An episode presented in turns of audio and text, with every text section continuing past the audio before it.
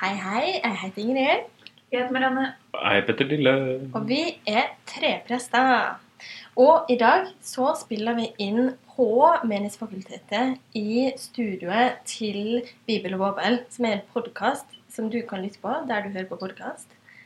Så sjekk det ut. En liten shout-out til deg. Shout-out. Da er vi her sammen med Maria Liholt. Maria Liholt hun Ja. er kateket i Holmen menighet i Asker.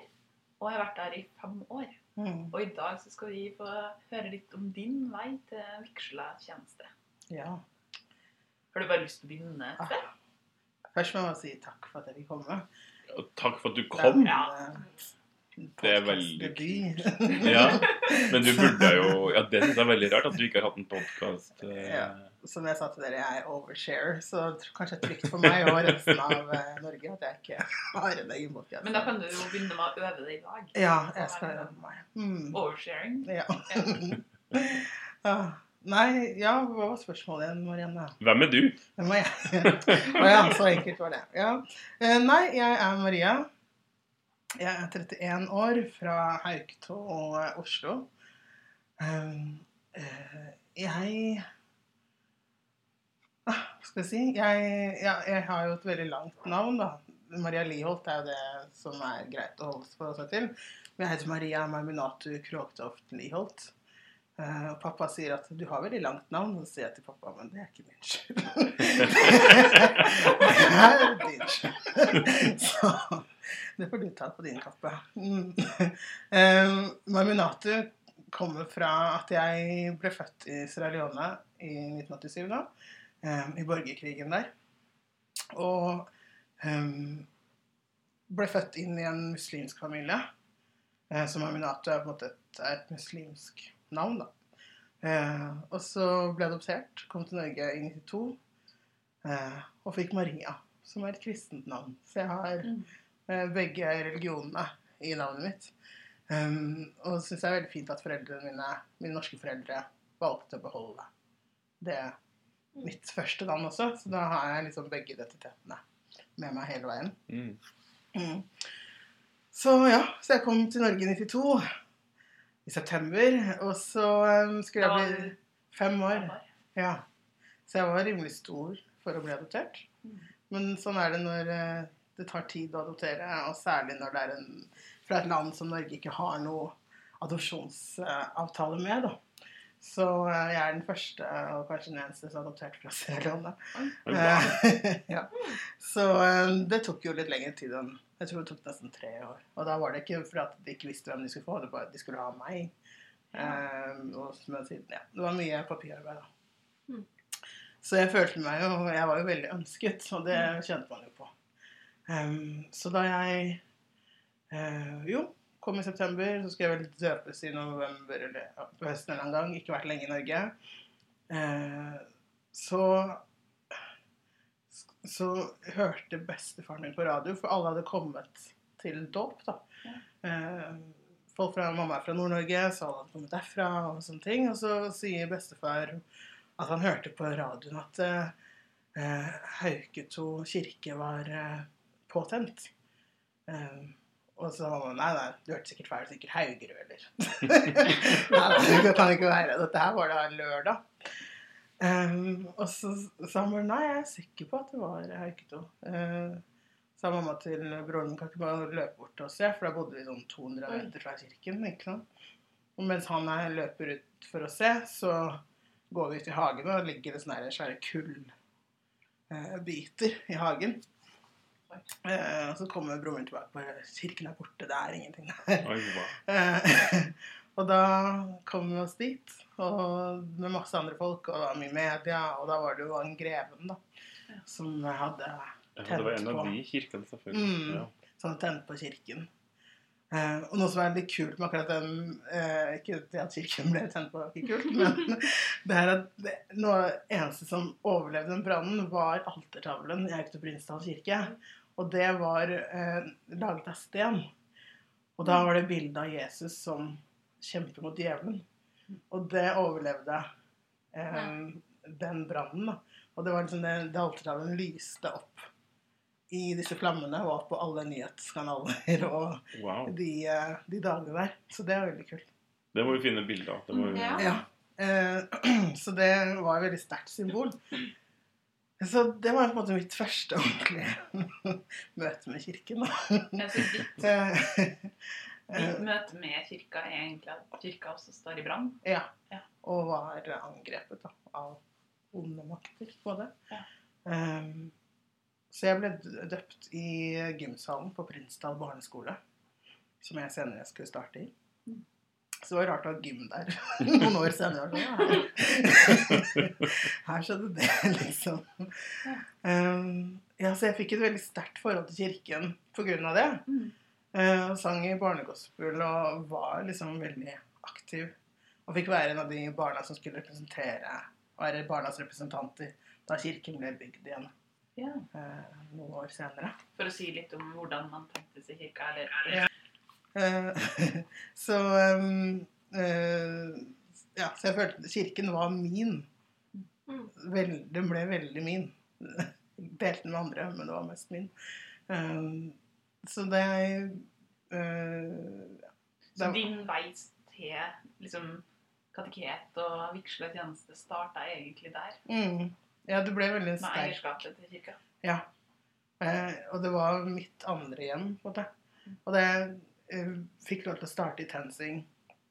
Jeg var tolv år, egentlig hadde ventet til jeg var 13, men jeg var jo overivrig. Jeg husker satt og var på TenSing-konsert. Jeg gikk på barne, barnegospel og tenkte en dag skal jeg dit. Jeg skal stå på den scenen der og skal synge og jeg skal gjøre alle de tingene der. Og så fikk jeg starte. Og ble, jeg startet da jeg var 12 og sluttet da jeg var 26 Oi. som leder. Så jeg er en sånn Haugstad Prinsdal er liksom eh, Der har jeg brukt mange timer. Og mamma bare Ja, du er jo Jesus i tempelet når tolv år. Du var god. Jeg sant. Veldig sant. Så ja.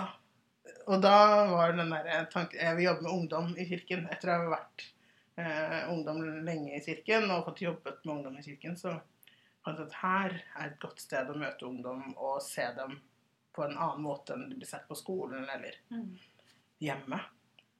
Så da Ja. Så gjorde jeg så mange TenSinger jeg gjør, da. Dra på TenSing Norway etter videregående. Hva er TenSing Norway? TenSing Norway er, eh, man kan si, landslaget for TenSing, da. Ikke nødvendigvis at du er så sjukt god, men bare Jeg tror, jeg tror faktisk Tensing Norway bedre enn det norske herrelaget i fotball. Wow. Ja, det er sant. Det er kanskje litt trist. Kanskje muligens også i fotball. ja, det er egentlig de som ønsker, søker. Og det handler ikke om at du Sånn som med TenSing, så er det ikke at talentet ditt som er det viktigste. Det er hvordan du bygger mennesker som er det viktigste. Så når du søker TenSing Norway, så er det, handler det ikke om at du skal være så sykt god dirigent eller sanger eller eh, Men at du er et menneske som klarer å være rundt andre mennesker og bygge andre mennesker opp. Ikke sant? Og vi og man, man lever veldig tett. Vi har 19 stykker det kullet jeg var på, som lever ganske tett, tett i et helt år. Og da må du ha litt people skills. Du kan ikke. Så det passer jo fint for meg å komme fra en veldig stor familie, for jeg vant til å være rundt mange mennesker hele tiden. Mm. Så Men hva gjorde dere altså, det var, Det da, jeg, ja, da jeg var der, så bodde vi eh, første halvåret i Danmark, og da på Silkeborg folkehøgskole. mm. Så vi, gikk, vi var på den del av den folkehøgskolen. Vi hadde vår egen linje, som da het Hunting Norway. Um, og da var vi øh, Vi lagde en konsert. Og så ble vi delt inn i team som da reiste litt rundt i Europa og besøkte andre Tensing-grupper. Eller uh, YMCA-grupper, da. Mm. Så mitt team, vi var rett rundt i Danmark, og så var vi i Irland, hvor det ikke er TenSing, men vi, det var YMCA-grupper for barn. Og YMCA også drev og hadde eh, sånn matkurs for mødre, og vi var i veldig utsatt eh, område av Dublin, da. Så det var mye Mye fattigdom, dårlig tannhygiene, dårlig eh, ernæringskunnskap. Eh, Så da, vi var der en uke og jobbet med de barna som pleier å være på den klubben. Og det pleier egentlig bare å være én gang i uken, men siden vi var der da, så var det hver dag. Så lagde vi en konsert med Ja. disse barna. Det var veldig sterkt å få være der. Og særlig når man i KM-sammenheng, eller KFK-KFM, da, så, pleier, så er det mye snakk om ikke sant? Når man er ettåring, så reiser man til Bangladesh eller til Palestina eller liksom veldig utsatte områder. Men her var vi i Dublin, Irland, Mm. og vi så så mye nød. og eh, barn som ikke hadde det bra i det hele tatt. Det var, vi trenger ikke å reise så langt, egentlig. Og det var vel sånn eye-opener, da. Men det er ja, fordi jeg har jo egentlig kjent til uh, Tensing Norway ganske lenge. Eller sånn, ja, nesten siden jeg var i den alderen sjøl. Mm. aldri vært med på det. Eh, Men, men eh, har liksom tenkt at det var nærmere på en måte High School Musical enn eh, enn den historien du forteller der, egentlig. Ja. den, eh, det er jo veldig Nei, du fikk se og oppleve mye forskjellig. Og det, jo- det var en av guttene vi, vi møtte der, som han var sånn som alltid ble Eller ikke alltid, men veldig ofte ble kastet ut av skolen fordi han ja, ikke klarte skole, rett og slett. Og da gikk jo han og tenkte at jeg er jeg er ikke verdt noe. Jeg kan ingenting. Jeg lager bare bråk. Altså disse profetiene man lager av seg selv, og så blir det jo sånn til slutt. mm. Og han eh, Noen av gutta på teamet da, utfordret han, for vi hørte at han var glad i, i rap. Så utfordret han til å lage en rap til den konserten vi skulle ha på fredagen. da. Mm. Og det var ferdig etter den uken. Og da, da tok han på alvor. Og, og vi var litt sånn der, nettopp blitt kastet av skolen igjen. Kommer han på konserten? Hvordan skal dette her gå? Men vi, bare, vi får bare satse på at han kommer, da. Og så kom han og laget en rap og, til oss. da. Eh, At han ønsket å gjøre oss stolte, og at han var så glad for at vi var der. Og, og det var så liksom, mye å vokse der på den uken. Og da bare satt vi der og grein hele gjengen. Og sånn, du kan ikke dra herfra nå og være her mer, liksom. Og det å få se altså, at mødre Eller ja, det var mest mødre som fulgte opp, da. Mm. Um, og se dem være så stolte av barna. Se barna deres gjøre ting de aldri har gjort før. Uh, og fedre som plutselig dukket opp, som de som jobber der, aldri hadde sett før. Mm. Uh, så det å Ja. Så Dance Norway er det også. Ja. Og så er det for oss som er PR-kåte å er i rampelyset. Vi følte oss litt sånn Altså, vi var på noen skole, skolebesøk rundt omkring i, i Irland, eller i Dublin-området, og da trodde jo folk at vi var kjendiser, for at vi sang og sånn. Så var det autografen. Jeg bare, ja, ja. Det hørtes egentlig gøy ut. Ja. akkurat det. Det var veldig gøy. Det var sånn, det var så realistisk. Vi, var sånn, vi, vi har betalt for det der. vi får ikke betalt for det der. Så, så det var gøy, da. Men du sa jo at du hadde funnet at du ville jobbe med ungdom, og begynte da i TenSing, men eh, hvor gikk veien videre etter det? Ja, altså Egentlig så løy jeg litt nå når jeg tenker over det. Fordi, fordi jeg hadde jo Da jeg begynte på Tent Norway, så var planen min å, å begynne å, eh, å studere hva heter det, sosiologi. Ja. på, i Trondheim. Det var min plan. Så Tent Norway var bare sånn pause, liksom. Pauseår med sjukt mye å gjøre, men ja. Um, og så var, hadde vi um, Vi hadde noen oppgaver på Tent Norway om å holde to andakter ehm, i løpet av året. Og det syns jeg var veldig gøy å lage. Jeg hadde ikke holdt det før, men jeg synes det var veldig det var gøy å reflektere rundt tro og, og legge det sammen med eller se sammenhengen med mitt liv og Bibel og jobb og sånn. Så fikk jeg eh, han eh, Petter Rønneberg, som er i, jobber i bispe, nå i, på bispekontoret I Oslo. i Oslo. Ja. Han var eh, foreleser for oss i, eh, i bibel, bibelfag, heter det vel da. Eh, så vi, vi tok også eh, teologi, litt av teologistudiet i Tantinori. Så på ett år tok vi 75 studiepoeng. Det var heftig. 75? Mm, mens vi var på turné og alt mulig annet. Men det er jo mer, men det er jo mer enn vanlig progresjon. Yes. Det er jo ko-ko. Så det var, eh, det var et heftig år. Ja. Så jeg tenkte det skulle være friår, men det var det ikke. Eh, men etter at han hadde hørt meg holde av de uh, andaktene, så sa han Har du tenkt på å studere teologi? Jeg bare Hæ, hva er det? For å bli prest? Jeg bare, ikke, Nei, det har jeg ikke tenkt på. Men jeg tenkte på det. Så jeg bare, ok. Ja, ja. Og så tenkte jeg litt videre på det, så kom det når han skulle søke på utdannelse. Og så søkte jeg på, M nei, på TF, da. Eh, på teologistudiet. Så det var egentlig han som satte, den, eh. Satte i gang dette her. For ja, ellers hadde jeg ikke Jeg kjente, altså jeg kjente jo prester, men jeg tenkte aldri at jeg skulle være en av dem. på en måte. Så det å liksom si det høyt til mine foreldre og venner at jeg skal bli prest, det var litt rart. Men de fleste var sånn Ja, selvfølgelig. Hva annet skal du bli? Sånn, Her har du bodd i kirka liksom, det var wow, no shocker, liksom. Men ja. Ja. Jeg var ikke så spennende som jeg trodde at jeg var, da. Men uh, Men uh, tenkte du da når du søkte på teologistudiet, søkte du da også på sosiologi? Hadde du den, eller la du det helt bort? jeg la Var det du helt klar da for OK, da Ja. går jeg for teologi? Ja. Mm. Ja. Jeg hadde ikke noe plan B i det hele tatt. Jeg var hjemme i det. Da. Uh, og da eh, Men så ble du jo ikke prest. Nei, jeg ble ikke det. Og det var, jeg gikk halve teologistudiet. Og da jeg gikk teologistudiet, så var det ikke noe praksis første, de første tre årene. Nei. Eh, og det var liksom Det var mye språk, det var mye kirkefedre, mye historie, mye ting. Så jeg var sånn Dette har jo ikke noe med de ungdommene jeg skal jobbe med, å gjøre.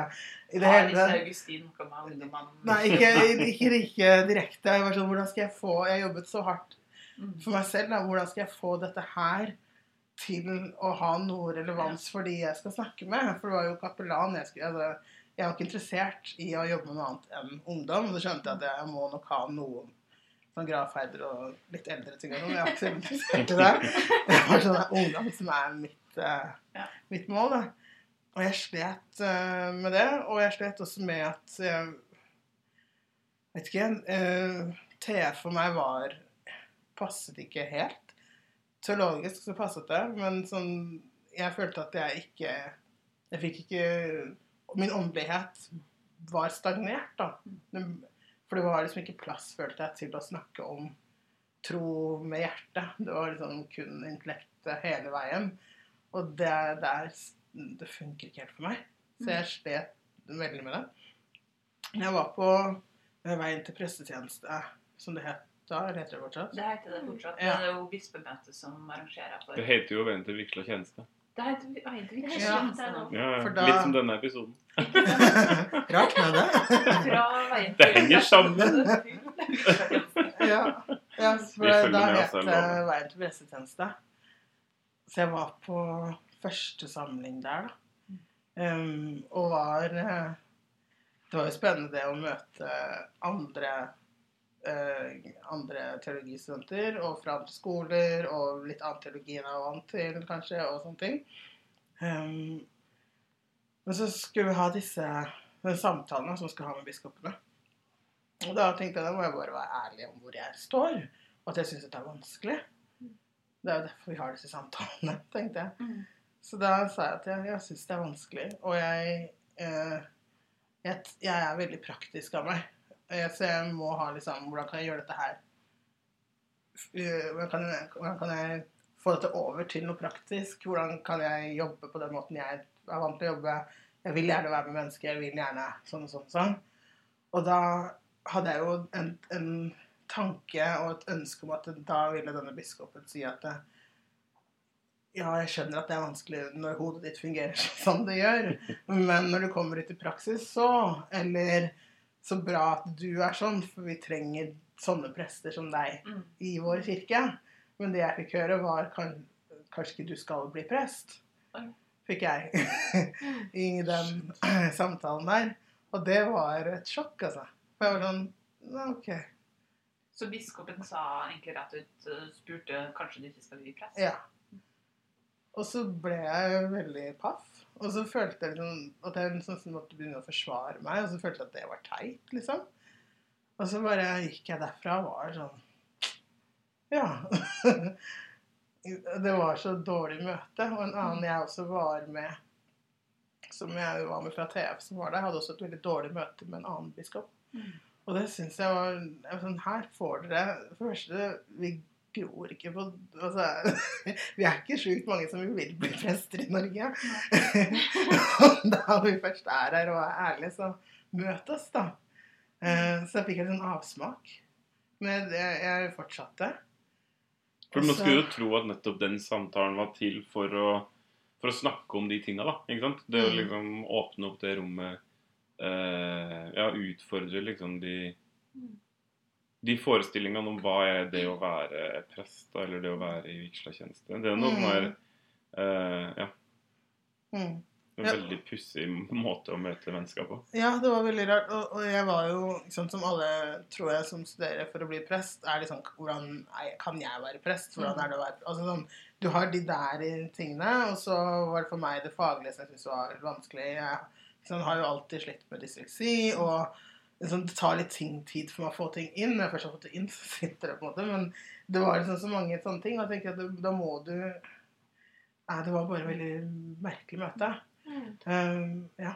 Ja, for jeg tenker også at det er jo noe med å tillate et seksårig studie å være et seksårig studie også. Altså Mm. liksom Man utvikles jo ganske mye i løpet av et sånt eh, Eller av, jeg vil jo tro alle typer studier. fordi å ta en utdannelse er jo også på en måte en dannelsesreise like mye som det er liksom studiepoeng for studiepoeng. da. Så det å, det å liksom åpne opp litt for hvordan skal man forstå hvordan ja. De tre, tre plassene her, da. Vi har jo Mm. alle sammen egentlig snakka om det også. Den vanskeligheten med å se seg sjøl inn i bildet av å være prest. Ja. Og at det er en modningsprosess. Men, Det er det. Det er egentlig ganske kjipt å høre den erfaringa. Ja, for det- er en venninne som hun var i et annet bispedømme um, en annen biskop, og vi slet med de samme tingene. Men hun ble møtt den måten jeg hadde ønsket å bli møtt på, Mm. og hun er prest i dag. Ja, sånn. Så det er en sånn eh, Nei, så jeg syns det var veldig kjipt, da. Men, Men- eh, ja, Men hvor gikk du Du dro jo da hjem, skal du si. Du, ja, jeg dro ja. hjem og var veldig lei meg. Eh, og det ikke helt er sånn, Som jeg sa, jeg satset jo Jeg, jeg, jeg kastet jo sosiologien bak meg og hadde satset alt på dette her. da. Og så plutselig så var det ikke plass til meg. på en måte. Uh, og, og særlig når liksom, igjen, For jeg har hatt så eierskap til kirken. Det har vært mitt sted. Og så var jeg plutselig ikke så ønsket som jeg følte at jeg alltid har vært. da. Så, men, så eh, jeg tenkte mye. Fortsatte å studere, men jeg var litt sånn «Ah, Er dette noe for meg? Men så ville, men jeg begynte å tenke på er dette noe for meg, så, må, så ville jeg ikke la den biskopen få rett heller. Nei. Ikke sant? Så jeg, så jeg var sånn Hvis jeg slutter, så er det ikke på grunn av den personen. Nei. Da er det fordi jeg ikke vil bli prest. Det har ingenting med den personen å gjøre. Så det var en sånn hadde en sånn krig med en person som ikke visste at jeg hadde krig med. Eh, og jeg eh, uh, Og så var det jo for meg også med, med identitet, ikke bare som prest, men som Maria, som brun, som kvinne i Norge. Og når du er ser ut som meg og bor der du bor, så blir du så fort satt i bås. Jeg, jeg får ikke lov altså, jeg, Det høres veldig dramatisk ut, men jeg, får, jeg føler ikke at jeg får lov til å eh, eh, Hva er ordet? Ikke identifisere, men eh, Å, nå glemmer jeg ordet. Og når man jeg, får, ikke lov til å bestemme hvem jeg er, da, for alle andre har en antakelse hvem jeg er. Hva ordet jeg skal ha. Definere ordet, ikke sant. ja. Ja, ja definisjonsmakten Mm. mis, mister jeg veldig ofte. Mm. Eh, fordi Ja. Eh, for eksempel at folk snakker engelsk til meg selv om jeg svarer på norsk tilbake, og så fortsetter å snakke engelsk. Fordi de har allerede bestemt at jeg ikke er norsk. Ja. Ikke sant? Så de hører jo ikke etter. Uansett hva jeg sier, så betyr ikke det noe. på en måte. Og jeg møter mange sånne ting i løpet av min hverdag. da. Og hvis jeg da i tillegg skulle bli prest, så, så er jeg i hvert fall satt i bås. Mm. så jeg var sånn Orker jeg å, å ha disse to båsene hele livet? på en måte? Orker jeg å miste eh, definisjonsmakten på mitt liv på den måten der som jeg følte at hvis jeg blir prest eh, Det var et, eh, et punkt hvor jeg følte at hvis jeg blir prest, så, så får jeg ikke puste. Mm. Det var liksom sånn, det ble sånn fysisk at jeg fikk nesten sånn klaustrofobisk følelse av det. For jeg bare da, Hvor er det plass til meg oppi dette her? Med alt jeg er og, Mm. og sånn. Så det ble veldig sånn dramatisk greie, egentlig, for meg. ja. Men tror du at den uh, minoritetserfaringa du har, påvirka påvirka det? Altså ikke at du har en minoritetserfaring, men det faktum Men ja, ja, det var en stor del av det. Ja. Um, og særlig at jeg, så slo det meg at det er ikke sikkert at jeg får jobbet i Oslo. ikke sant? Hvis jeg kommer til en annen liten bygd et eller annet sted. vil jeg takle det bra? Mm. Ikke sant? Eh, For i Oslo så er du veldig Så kan du fort være usynlig, og det liker jeg veldig godt å være. jeg liker? Det er et paradoks. Jeg elsker stå på scenen, men jeg elsker også at ikke folk vet hvem jeg er. Mm. så det er litt sånn at, eh, at når du er Og Da fikk jeg også opp, eh, erfare det jeg var på Tels Norway, når jeg er den eneste brune av 19 ungdommer som skal reise rundt i hele Norge og rundt omkring. Du er så sykt synlig Mm. hele tiden. Mm. Og det er slitsomt å være så synlig. Eh, at eh, Særlig når vi var i Øst-Europa og i små bygder rundt omkring i Norge. Så Og det var bare sånn Ja, det ble en sånn utmattende. Og hvis du i tillegg skal liksom være prest og ha en menighet, og du skal Så jeg var kjent at jeg vet ikke om jeg orker, rett og slett. Det er ikke sunt for meg. Um, så det var en sånn Ja. Tror du det fremdeles? Jeg tror Nå så tror jeg at jeg vil takle det bedre. Ikke da jeg var 24-25 år, altså. Mm. Um, men nå, så, ikke sant, jeg, eh, nå jobber jeg jo i Asker uh, i en rimelig hvit uh, menighet. Mm. Egentlig alle norske kirkemenigheter er jo hvite. Sorry to say. Men er sånn er det. Ikke sant? Det er kanskje dash eh, brunt av og til, men da er du gjerne som meg adoptert, eller Ikke sant? Det er ikke så veldig mangfoldig, egentlig. Um, og det går jo helt fint, det, selv om det er alltid noen eldre i menigheten som uh, tenker at de stiller spørsmål, men det er gjerne litt sånn slitsomt å svare på noen ganger. Men det, det er uh, igjen, da Ungdom stiller ikke sånne spørsmål fordi de er litt mer med. Jeg tror også det er sånn at jeg har alltid vært, jeg har vært litt redd for gamle mennesker. For du vet aldri hva de skal si. Du vet aldri helt eh, hva, de, hva som kommer av dem. Og da og så, ja, og For å beskytte meg selv så holder jeg meg sånn unna eh, noen gamle mennesker. Eh, så ja, så det er vel Jeg vet ikke, nå snakker jeg, babler jeg bare. Men. Ja. ja, at jeg Ja, det handler jo om å beskytte meg selv, da, rett og slett. At eh, ja, jeg er litt redd for noen ting. Men tenker du at du valgte egentlig bort prestejobben for å beskytte deg sjøl? Ja. Og at det har vært enklere å velge en annen tipsstilling i kirka? Mm. Og det å være kateket er liksom Ingen vet hva det er for noe, så jeg kan definere det helt selv. Men hva er det å være kateket? Ikke sant? For meg, for kateket Jeg er eh, Altså, du er jo lærer, først og fremst. Jeg har mye pedagogikk. Konfirmantundervisning. Ledetrening. ledertrening. Og så i min jobb, siden vi er Altså, vi har I år er det 145 konfirmanter.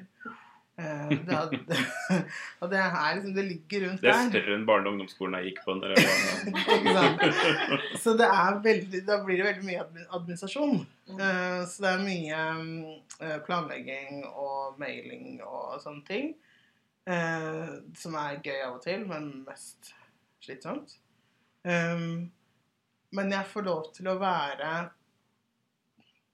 For ungdommene så får jeg lov til å være eh, venn, eh, eh, veileder, mamma, kokk, eh, psykolog.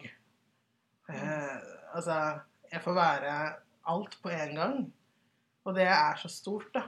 Eh, og så blir jeg egentlig veldig sånn ydmyk, for at jeg var ikke en person som delte så mye da jeg var eh, Mm. ungdom. Jeg delte ikke med eldre eller med voksne. Det var ikke at jeg ikke stolte på voksne. Jeg bare hadde andre å snakke med. jeg trengte ikke å snakke med dere, på en måte. Um, så Du så, så det base? Ja. Så det at de, de tør å dele så mye med meg det, Jeg blir veldig ydmyk, for jeg hadde aldri gjort det selv, egentlig. ikke sant? Men de, ja, så det å få lov til å være en sånn person for ungdom som ikke er mamma eller ikke er lærer eller Selv om det blir litt mamma for dem av og til nå, ikke sant? Men det er den, den rollen der liker jeg veldig godt. Å være alt og ingenting samtidig, liksom. Um, og det er, jo, det er jo derfor jeg, jeg eh, har lyst til å jobbe med ungdom. For å se dem på en annen måte. Og stille, jeg, jeg kan stille spørsmål og, og ja, som, ikke de, som ikke andre får til å stille på samme måte. Men uh, Det oppleves jo nå Hvor lenge har du vært kateket? Hvor lenge har du jobba som ja? Så det er jo noen år siden du bytta fra teologistudiet til eh, kirkelig undervisning. Mm. Det blir jo fort nesten ti år. Eller eh, Ja, la oss ikke snakke om det. La oss si at Du beveger meg veldig farlig nært. eh, meget Ja, jeg har jo sagt hvor gammel jeg er. altså det går. Men jo, men, jeg, var, jeg var 27 da jeg startet å jobbe. ja. ja. men, men hva du um, opplevde det liksom hvordan, Når du gikk fra på en måte teologiutdannelsen for å bli prest til å begynne på kirkelig undervisning Mm. for å bli kateket Mm. um, Var det liksom en smooth overgang? Var det liksom, ja, Du valgte jo bort presteyrket, men du, du opplevde, altså, valgte du kateketyrket? Nei, eh, jeg begynte Først var det det for meg å slutte Jeg hadde mange sånne brytningspunkter. da. Slutte på TF først for meg. Um, og det var jo uh, Som jeg sa i sted, TF var ikke helt stedet for meg. Um, så du, du møter mye rart ja, gjennom livet. Men da jeg liksom sa at jeg skulle begynne på MF til noen av de professorene på TF og sånt, så var det litt sånn Ja. Da jeg fikk litt blikk og litt rare kommentarer og sånn. Tenkte jeg sånn Nei, skal ikke det liksom være de voksne? tenkte jeg, men ok. Eh, Hvilke type kommentarer da? Ja, og Nå husker jeg ikke helt ordrett, men det var av type som Ja, må du passe på at du ikke blir helt rar, liksom. Eller, altså, det var de, disse fordommene man har fram og tilbake, da. ikke sant? Ja, for det lever fremdeles fordommene mellom ja. MF og TF. Og jeg, hør, jeg hørte så mye rart om MF da jeg gikk på TV. Altså, jeg var jo For å ha vært i kirken hele livet, så kunne jeg veldig lite om kirke. Jeg, jeg var sånn Bedehus, hva er det for noe? Det lærte jeg da jeg var 19 år. Mm, jeg, jeg var veldig i min Haug til Du er ikke oppvokst på Vestlandet? Nei, sånn. ikke på noen som måte. Og jeg, ikke sant, for meg var det helt naturlig å ha Jeg var nesten bare vant til kvinnelige prester. At, Du er at- ikke oppvokst på Vestlandet akkurat? så, så når noen liksom bare Nei, men jeg, jeg er imot kvinnelige prester. og her er det, kan man være det? Ikke sant? Det jeg, ja, jeg, hadde, jeg var veldig sånn Jeg hadde ikke fått med meg noen ting, for jeg var i min boble og koste meg veldig med det. Så jeg fikk liksom se med hva Kristen-Norge er, alle, alle nyansene og sånn, så ble jeg jo liksom fascinert og skuffa og alt mulig. Så jeg, det var en sånn bratt læringskurve, da. Mm. Eh, så disse fordommene om TF og MF de lærte jeg om da jeg begynte å studere. Og så tenkte jeg sånn, det kan jo ikke være så ille på MF når det er så mange flere der enn det her, og de fleste er Altså, det gir, det gir ikke noe mening, da. Ikke sant? Så tenkte jeg sånn, ja, men hvis jeg nå skal begynne å jobbe i kirken, eh, så vil jeg jo mest sannsynlig møte folk som mener andre ting enn meg, så da kan vi godt studere med dem og bli vant til det. så ikke jeg er liksom på et sted som er veldig homogent, som jeg følte TF var da. Hvor de fleste mente det samme.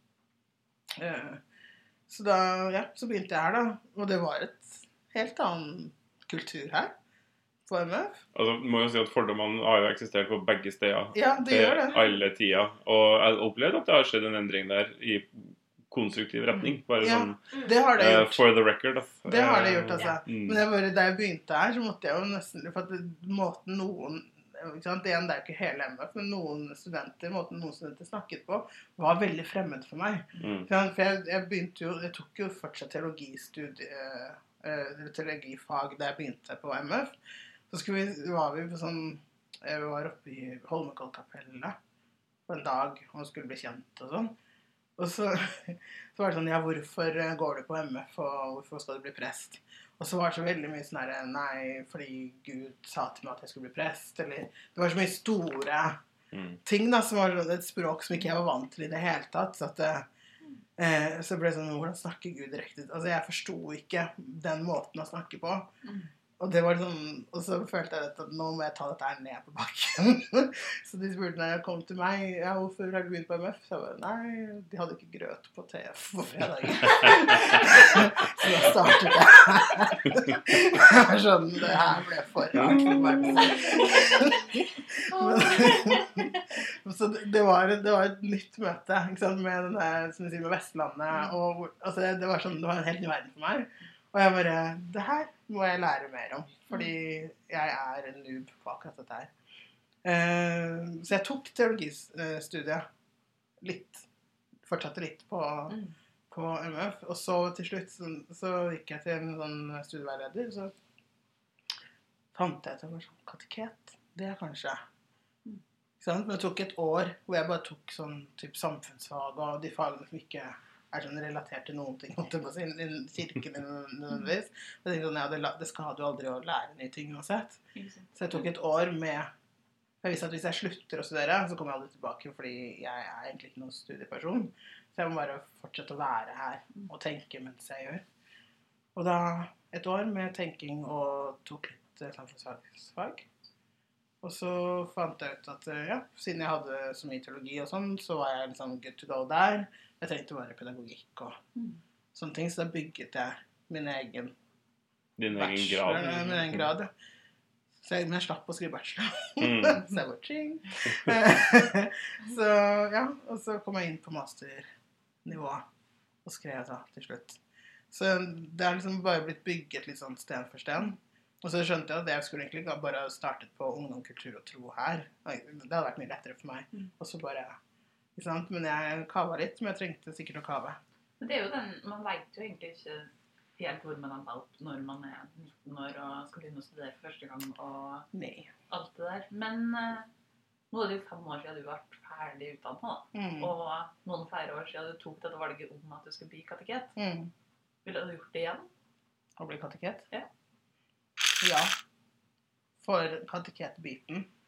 Eh, Men som jeg ja, er litt sånn Ikke klager, men som jeg liksom litt sånn «Ah, Få på jobb, er at det jeg er utdannet for å gjøre, det gjør jeg eh, 20-30 Nei, 20-40% av tiden. Mm. Så det er litt for mye administrasjon? Ja. Mm. Så det er, liksom, det er kanskje det som er min lengsel, da. Til å gjøre mer kateketting. Mm. og ikke være kontordame.